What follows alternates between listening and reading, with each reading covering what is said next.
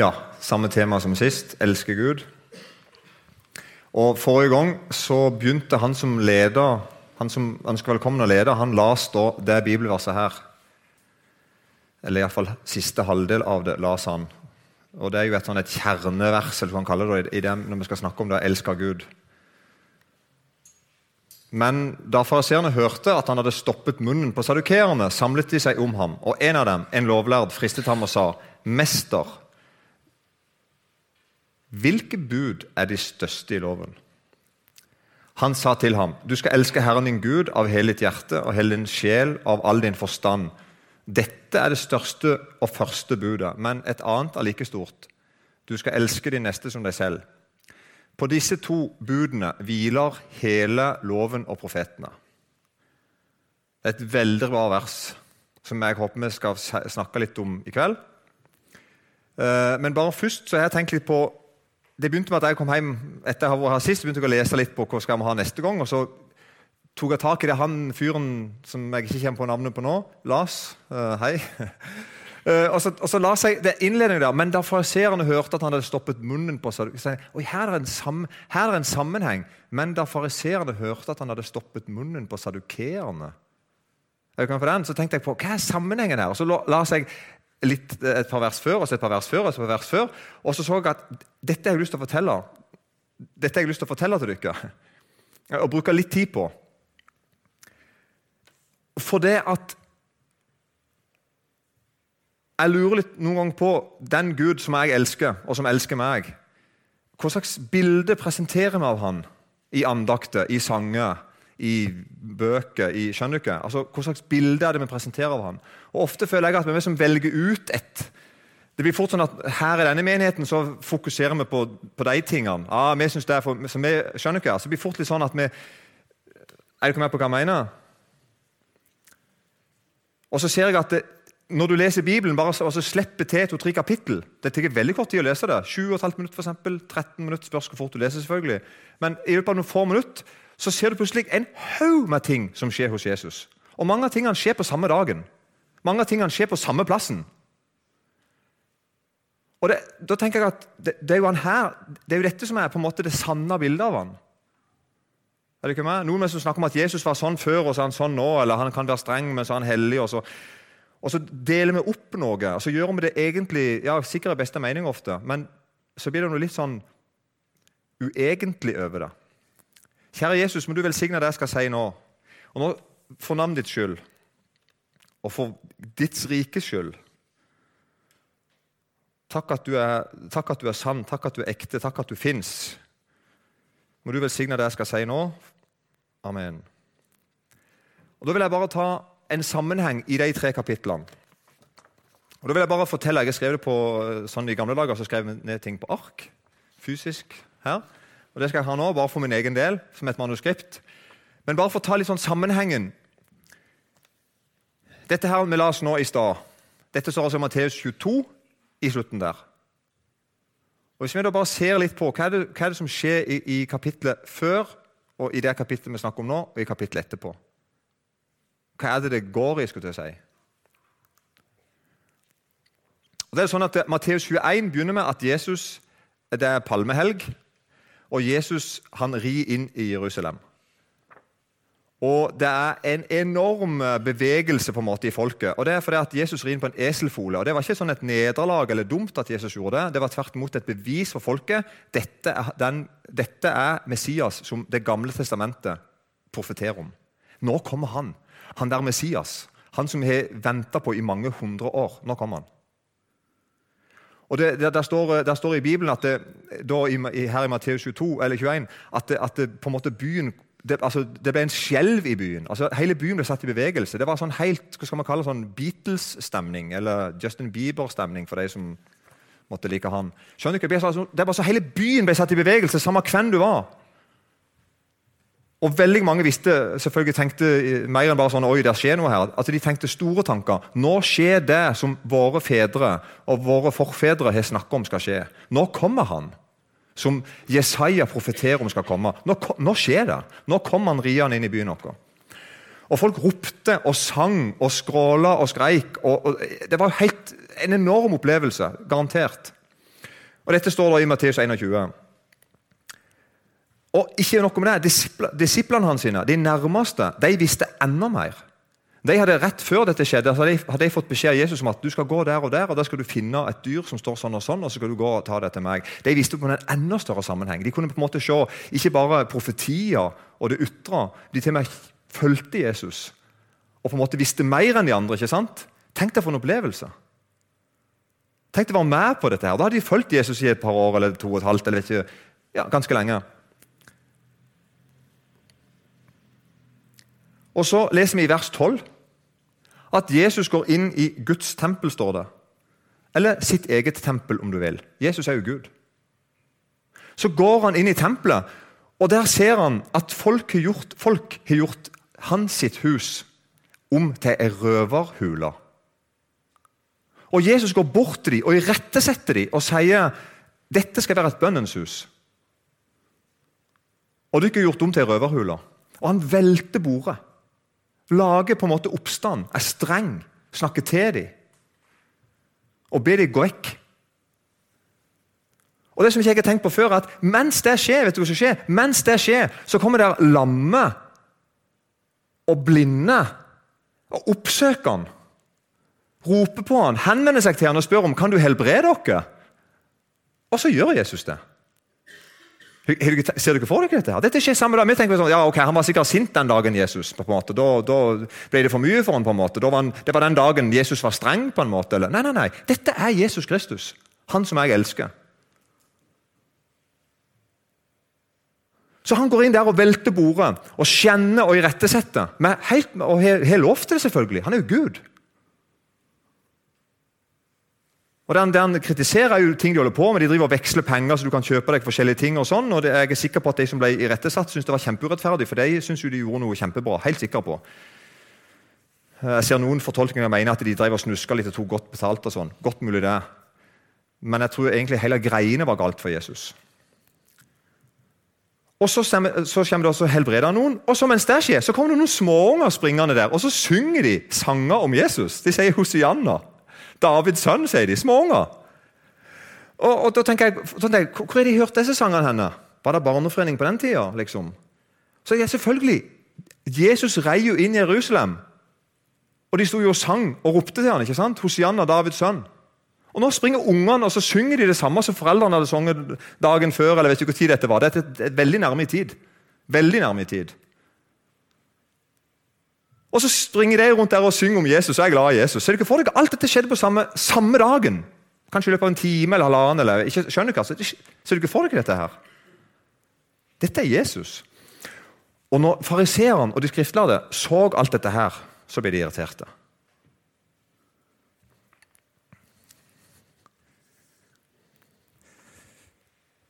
Da reagerer yppersteprestene og de skriftlærde. De blir harme. Og så minner Jesus de på at det står faktisk profetier om at du skal få høre dette her av småbarn. Om hvem som er Gud, og hvordan Gud er, og om Messias. Neste morgen står det det står sånn, neste morgen, når jeg er vers 18 i kapittel 21, så er Jesus sulten.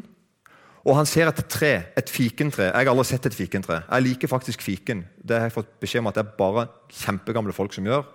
Men da, det driter jeg i. Det er veldig godt. Uh, og Det gjetter vi til jul, og sånn, de der klissete greiene. Sant? Men det fikentre, da det var Jesus og alle de som levde da, i alle fall, sikkert nå òg, uh, på plasser der det fins fikentre helt naturlig, de visste at uh, fikentreet bærer frukt på høsten. Og Dette her var jo palmehelger. Dette, dette, er jo våren. Så det var jo ikke fikenfrukt på det. eller hva de kaller det for noe. Men fikentreet det, det hadde en bitte liten frukt du òg kunne ete på våren den kom rett før bladene kom. Så når, så, så du så et fikentre med blader på, på, våren, så visste du at på det treet, hvis jeg går bort, så vil jeg finne noen små frukter som jeg kan ete. Så Jesus han ser dette treet, han er sulten, han ser det er fullt av blader. Han går bort til treet og vil ete av det. Så finner han ut det er ingen frukt på det. Det er på en måte et juksetre. Det ser ut som at det er et tre som, som, som bærer frukt, men det gjør ikke det. Og Jesus han forbanner det treet, sånn at det dør. Og så forteller han til lærersveinene sine om det å ha en falsk tro. Er dere med på den? Han på en måte avslører at det er noe Ikke vær sånn som dette fikentreet, som på en måte ser ut som at det er liksom fullt av frukt. og Det er masse blader på det står liksom der og skryter på seg å være noe. Og når du kommer bort og kikker, så er det ikke noen frukt på det. Og Så står det videre da at Jesus går inn igjen i tempelet. og Der underviser han. Og Da kommer yppersteprestene og de skriftlærde bort til Jesus og så spør de, hvilken autoritet er det du har. Altså, Hvilken myndighet er det du har? Hvorfor gjør du dette her? Og da sier noen, jeg har lest noen fortolkninger som sier at spør, De spør ikke bare Jesus om hvor, hva slags autoritet har du akkurat nå når du underviser, men de spør om det du gjorde i går, når du velta bordet, helbrede folk, irettesetter folk. Hva, ja, har du lov til dette her? Og Jesus han arresterer dem og setter dem fast i spørsmålene deres og på en måte avslører dem som feige. De tør ikke bråke mer med Jesus fordi at folk liker han. Og Folk tror at han er noe spesielt, så de tør på en måte ikke utfordre Jesus mer. Men de er sinte på han, og de prøver å sette han fast. Men de blir på en måte ikke avslørt nok. Så Jesus forteller da en lignelse til i, i eh, vers 28-32. Han forteller om en mann som hadde to sønner. Og så eide han en vingård, og så spør han først den ene sønnen sin kan du gå og jobbe i vingården min. Og så svarer han ja, det kan jeg. Men han gjør det ikke. Noen som kjenner seg igjen? Og Så spør han den andre sønnen kan du jobbe i vingården min, og han svarer nei. Men han ombestemmer seg, og så gjør han det likevel. Og Så spør Jesus på en måte da, de som hører på han da, hvem var, hvem var bra av de to. Og det er det veldig rart, at Da må liksom de si at han som ikke var lydig i utgangspunktet, var allikevel han som var en god sønn. Er du med? Jesus snur på en måte noe på hodet her. Og Så sier Jesus at jeg skal si dere det, at det er mange folk her i denne byen her, som har et dårlig rykte på seg, og som har levd et dårlig liv, men som allikevel skal bli med, bli med til himmelen. Han snur liksom opp ned. Det hjelper ikke bare å si ja med munnen sin hvis ikke du faktisk gjør det. Da er det faktisk bedre å ha et dårlig liv og innrømme det. Og, skjønner du hva jeg mener? Den ulydige omvendte seg, ville vi ha sagt. Så på en måte Jesus advarer mot å si ja, altså utgi seg for å være kristen, ville vi ha sagt, men ikke leve sånn. Og Så knepper Jesus det enda et hakk til. Så forteller han enda en lignelse. Han forteller om en vingårdsmann.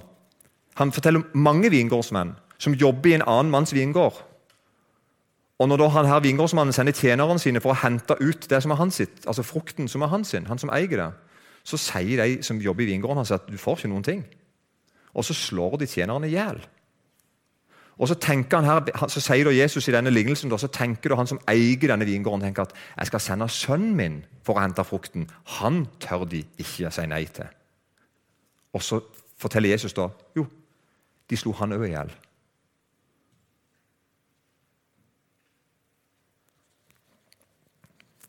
Og Når, når eh, de skriftlærde hører denne fortellingen, så feller de en dom over denne, denne, fortellingen. og Så sier de at de folkene som er sånn, de skal sannelig få sin straff. Og så skjønner de plutselig oi, det er jo oss han snakker om. Det er jo vi som ikke tar imot, som, det er jo vi som ikke har frukt. Selv om vi gir oss ut for å være med i vingården. Det er vi som ikke har frukt og har noe å gi tilbake når tjeneren kommer. Og, og Senere vet jo vi at de til og med slo i hjel når sønnen sjøl kom. Altså Jesus sjøl ble hata, ble ikke tatt imot. Og nå står, det, nå står, det, i slutten av, av, kapittel 21 at de har lyst til å drepe Jesus, men de er redde for folket fordi folket tror at Jesus er en profet. Og Så kommer Matteus 22, og der forteller altså Jesus om et merkelig bryllup. En konge, en konge skal ha bryllup og invitere inn eh, gjester. Og Så står det da i Bibelen at det, gjestene sa nei. Nei, jeg vil ikke. Og de til og med hadde utrolig sånn dumme grunner. De bare sånn Nei, jeg skal gå på jobb, liksom. Nei, jeg skal bare gjøre en haug med vanlige ting. Og så forteller fortellingen, og dette er, jo ikke, dette er jo ikke vanlig. ikke sant? Når en konge i bryllup, så er ikke dette vanlig. så vi skjønner, Denne fortellingen her Jesus forteller nå, er sånn helt sånn, hva er dette for noe? Og Så leser vi videre at, det, at kongen setter da ut igjen tjeneren en gang til. og ba de, nei, Du må be de fint en gang til! De må komme, de må komme! Og Sånn gjør iallfall ikke en konge. Men sånn, sånn, gjorde denne kongen da. Og Da tar de og begynner å slå i hjel de som kommer og kaller inn, de tjenerne, og er stygge med dem. Og Da blir kongen sint, og så reiser han av sted så tar han og slår i hjel de som slo noen i hjel. Veldig rar fortelling. Og så sier kongen videre at nå skal du gå og invitere alle andre slags folk. Folk som egentlig ikke er verdige å komme i et bryllup. Samle inn alle. Hvem som helst, gode og vonde. Hvem de er, samle de inn. Og så gjør tjeneren det, og så blir da bryllupsfesten full. Det er en rar fortelling. Og Vi skjønner jo at Jesus avdekker noe med de, de han snakket til. og Det håper jeg at vi kan gjøre nå òg. Gud altså er sånn at Når han inviterer til bryllup, så skulle vi tenke at det var jo den mest naturlige tingen å si ja til. Men folk har en tendens til ikke å gjøre det. da. Og De fleste som sier nei til Jesus, sier ikke nei av sånne fæle grunner. Nei, jeg skal ut og drepe fire-fem i kveld. Det er liksom ikke sånn. Det er mer sånn jeg gidder ikke i kveld. Jeg skal vaske noen klær eller gå på jobb. eller... Skjønner du? Det er bare helt sånn vanlige ting. Og så slutter fortellingen med en enda rarere ting. at Når da kongen kommer inn og festen skal begynne, og lokalet er til slutt fullt, så er det én person der som har kommet inn uten å uten, altså Han har kommet inn i sine egne klær. Og Det er en utrolig sånn skam å gjøre mot kongen. for Når kongen inviterte inn til uh, selskap, så hadde jo han ordna klær til alle. Så alle hadde festklær, som var kongen sine klær. Men altså det er da en fyr som da rota seg inn i denne forsamlingen og som sitter med sine egne klær. Og Da spør kongen han, Hvorfor, hva, hvordan, hva, er du, ja, hva er det du gjør her. Og Da står det at han, fyren kan ikke svare. Så blir han kasta ut på utsida. Rare fortellinger. Dette er, dette er, Jesus. Og Nå begynner fariseerne å planlegge hvordan kan vi sette Jesus helt fast i en samtale. Sånn at han på en måte blir avslørt en gang for alle som den hykleren eller den gudsbespotteren eller den oppvigleren, som han, forføreren som han helt klart er. Og Nå, de, nå gjør de noe rart. Nå begynner plutselig uvenner å bli venner. Nå tar altså da, da Fariseerne de, de har sine disipler, så de sender noen av sine disipler, lærlinger, sammen med noen litt sånn forrædertyper. Noen som holdt med romer, romerne, de som egentlig hadde tatt Israel ja, Vi ville ha kalt dem for quislinger, kanskje. Altså forrædere, på en måte. De tok med en gjeng av sine egne disipler, altså fariseerdisipler, og så tok de en gjeng av disse her heroditene. Og så gikk de plutselig av med som hadde fellesskap, og så gikk de til Jesus og så stilte de ham spørsmål om skatt og politikk. Og sånn. Og på en sånn måte at de tenkte at uansett hva Jesus svarer nå, så blir det feil. Men det ble det ikke. Jesus svarer kjempegodt. Sånn at eh, de må rett og slett bare tusle hjem igjen. Undrende står det. Og så Samme dag da, så kommer sadukerene. Og Sadukerene de ligner litt på fariseerne. på en måte. De, var, de, hadde innflytelse i samfunnet. Det var på en måte ikke hvem som helst. Men de hadde nok en størst innflytelse fordi at de var rike. Det var ikke fariseerne. Fariseerne var på en måte rike på kunnskap og, og levde fromme liv. Men sadukerene kanskje mer De var ikke sikre på kunnskap, skal ikke disse dem på det. Men de var òg anerkjente fordi at de eide land og hadde penger. på en måte. De trodde ikke på, at, eh, de trodde ikke på mer enn de fem, fem Mosebøkene. Og de trodde ikke på at det var et liv etter døden, en, oppstand, en fysisk oppstandelse. De trodde ikke på demoner, engler og flere sånne ting. Da. Og Nå, nå går sadukerene og så tar de sitt fagområde, som da er det der med liv etter døden. Og Så spør de Jesus et spørsmål som er litt sånn tullete og, altså litt sånn oppstilt, på en måte. En mann gifta seg, og så, og så, døde han, og så døde han, og så var det sju brødre. og så var det så Hvem av de sju mennene har kona i himmelen? og sånn. Og Så trodde de at nå skal Jesus få en, et problem å svare. Og det Jesus gjør da, at han svar, sier rett ut Dere vet for lite om Bibelen. Det svaret jeg aldri sett han sier til fariseeren, for de har greie på Bibelen. Men til sadukerene sier han dere vet faktisk for lite. Det fungerer ikke sånn som dere spør nå. Og så forteller Jesus hvordan det fungerer i himmelen. Utrolig stilig. Og det er klart at Når fariseeren hørte det, at nå har sadukeren på en måte blitt slått på sin heimebane på det eneste tingen de virkelig kan mye om, skulle jeg si, det der med at ikke er et liv etter døden, at ikke står opp med kroppene etter, etterpå døden Når de blir liksom blitt ydmyka offentlig av Jesus på det, da finner de ut at vi må gå sjøl. Og det er da denne historien her kommer etter at fariseeren hørte at til og med sadukeeren måtte gi tapt i møte med Jesus. Da går de sjøl. Og hva gjør, gjør fariseeren da? Jo, de setter en, en lovlærd, altså en som skikkelig skikkelig har greie på ting i Det gamle testamentet. Og så ferdig han til å stille et spørsmål som på en måte er sjefsspørsmålet deres. Det er på en måte kjerneområdet deres. Dette kan de alt om. Og så spør de Jesus det spørsmålet.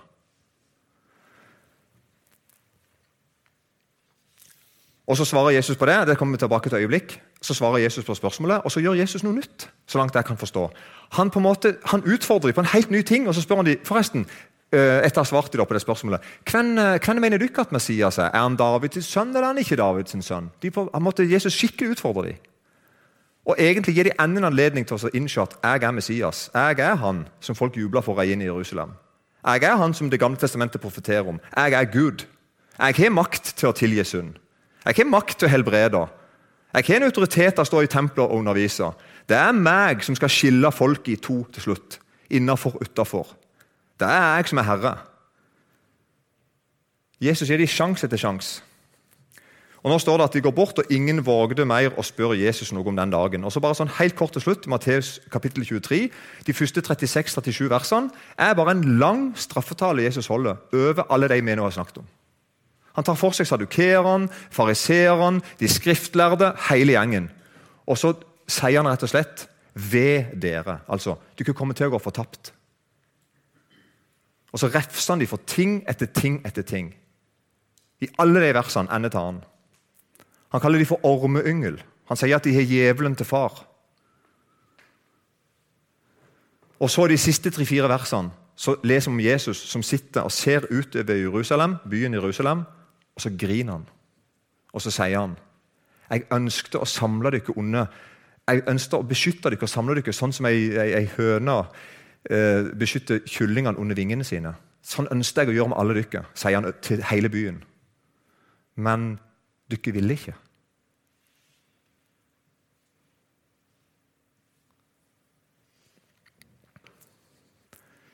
Som de skriftlærde sier han faktisk sånn i et vers. Ved dere skriftlærde og fariseere, dere hyklere, som stenger himmelens rike for menneskene. Det er en alvorlig påstand. De stenger himmelens rike for menneskene. De lukker på en måte igjen muligheten for at folk kan bli kjent med Gud. Selv går dere ikke inn, altså inn i himmelens rike.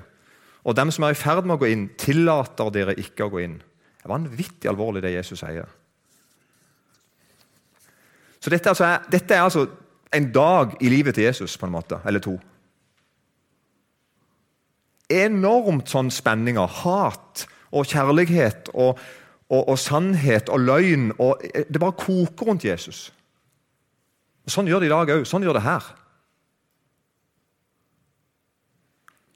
Så spørsmålet da, til, Hvis vi tar det spørsmålet en gang til Men da fariseerne hørte at han hadde stoppet munnen på sadukerene, samlet de seg om ham, og en av dem, en lovlærd, fristet ham, fristet ham og sa, kolon, Mester, hvilket bud er det største i loven?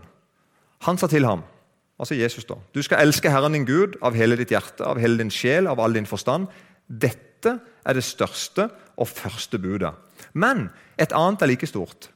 Du skal elske din neste som deg selv. På disse to budene hviler hele loven og profetene. Det er svaret til Jesus. Og Da er mine spørsmål her Er noen bud større enn andre bud? Eller er det det på en måte den lovlærde prøver å få Jesus til å gli på nå? Er det ikke med? Tenker du ikke at noen bud er større enn noen andre bud? Hva er det egentlig han, han lovlærde? Står jo her at han, han frista han. Altså, han hadde, vi, vi, vet at han hadde dårlige motiver. Han ønsket å friste Jesus til noe. Og Så spør han da hvilket bud er det største. Og Så spør jeg dere da, er det noen bud som er størst. Hvordan kan Jesus svare ja, det er noen som er større enn andre? Vil ikke det vært galt av Jesus har sagt? Eller for å spørre enda mer til dere nå Er, er det ei synd er ei synd større enn ei annen synd? Er ikke med på spørsmålet? Sånn, helt, bare svar sånn inni hodet ditt nå. Eller hen du svarer henne. Jeg gjør det inni hodet. Bare sånn for deg sjøl. Tenker du at det er noen synd i livet ditt som er større enn en annen synd? Eller tenker du at nei, de er akkurat like store alle sammen? Hvor stor er egentlig en synd? Hvordan måler vi det? Vet jeg med bud sant? Hvis det er store bud og små bud, så er det vel store synder og små synder òg. Hvordan skal vi tenke om dette? her? Hvor stor er egentlig en synd? Hvordan måler vi det? liksom? Kilo? Kilometer? Jeg tenker at det er rett å si at ei synd er så stor, så stor som den du gjør henne imot. Er dere med på den?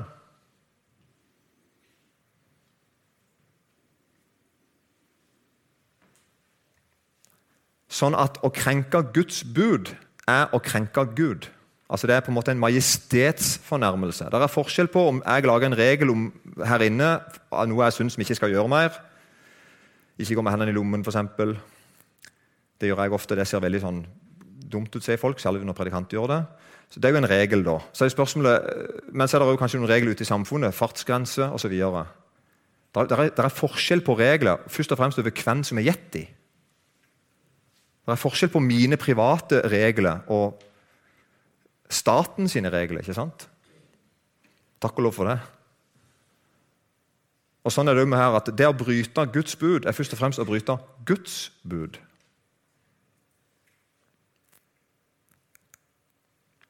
Med andre ord òg å elske Gud er det samme som å elske Han sine bud. Jeg elsker budene hans. sine. Jeg finner de gode, jeg finner de fornuftige, jeg finner de bra. Jeg takker for dem. De er ikke for tunge. De er lette. Og Et gjennomgangsvers vi, vi hadde litt forrige gang var fra Johannes 14, 21. Det er et veldig bra vers om dette. her. Den som har mine bud og holder fast på dem, han er den som elsker meg. Det er som Jesus' sin definisjon på hvem er det som elsker meg. Jo, han som har mine bud og holder fast på dem. Og den som elsker meg, skal bli elsket av min far, og jeg skal elske ham og åpenbare meg for ham. To minutter oppgave før vi tar pause. Bokstavelig talt to minutter. Fortsatt inni hodet ditt. Så spør jeg dere nå Hvordan ser din kjærlighet til Gud ut? Et litt sånn dumt spørsmål, men det er litt av poenget mitt. da. Eller, det er ikke, ikke poenget ikke så dumt, men Poenget er at det er, ikke, det er ikke et vanlig spørsmål, kanskje. Men helt seriøst, hvis du nå helt alene skal sette ned et svar som holder, som du tror på sjøl, hvordan ser, hvordan ser din kjærlighet til Gud ut? Eller på en måte, Hvordan måler du den? Hva er den, og hvor stor er den? Det vil jeg spørre dere om nå, helt to minutter. Skal jeg prøve å være stille i, i ett og et halvt minutt? For eksempel, for nå. Så er bare helt stille, og så svarer du litt på det inni hodet ditt.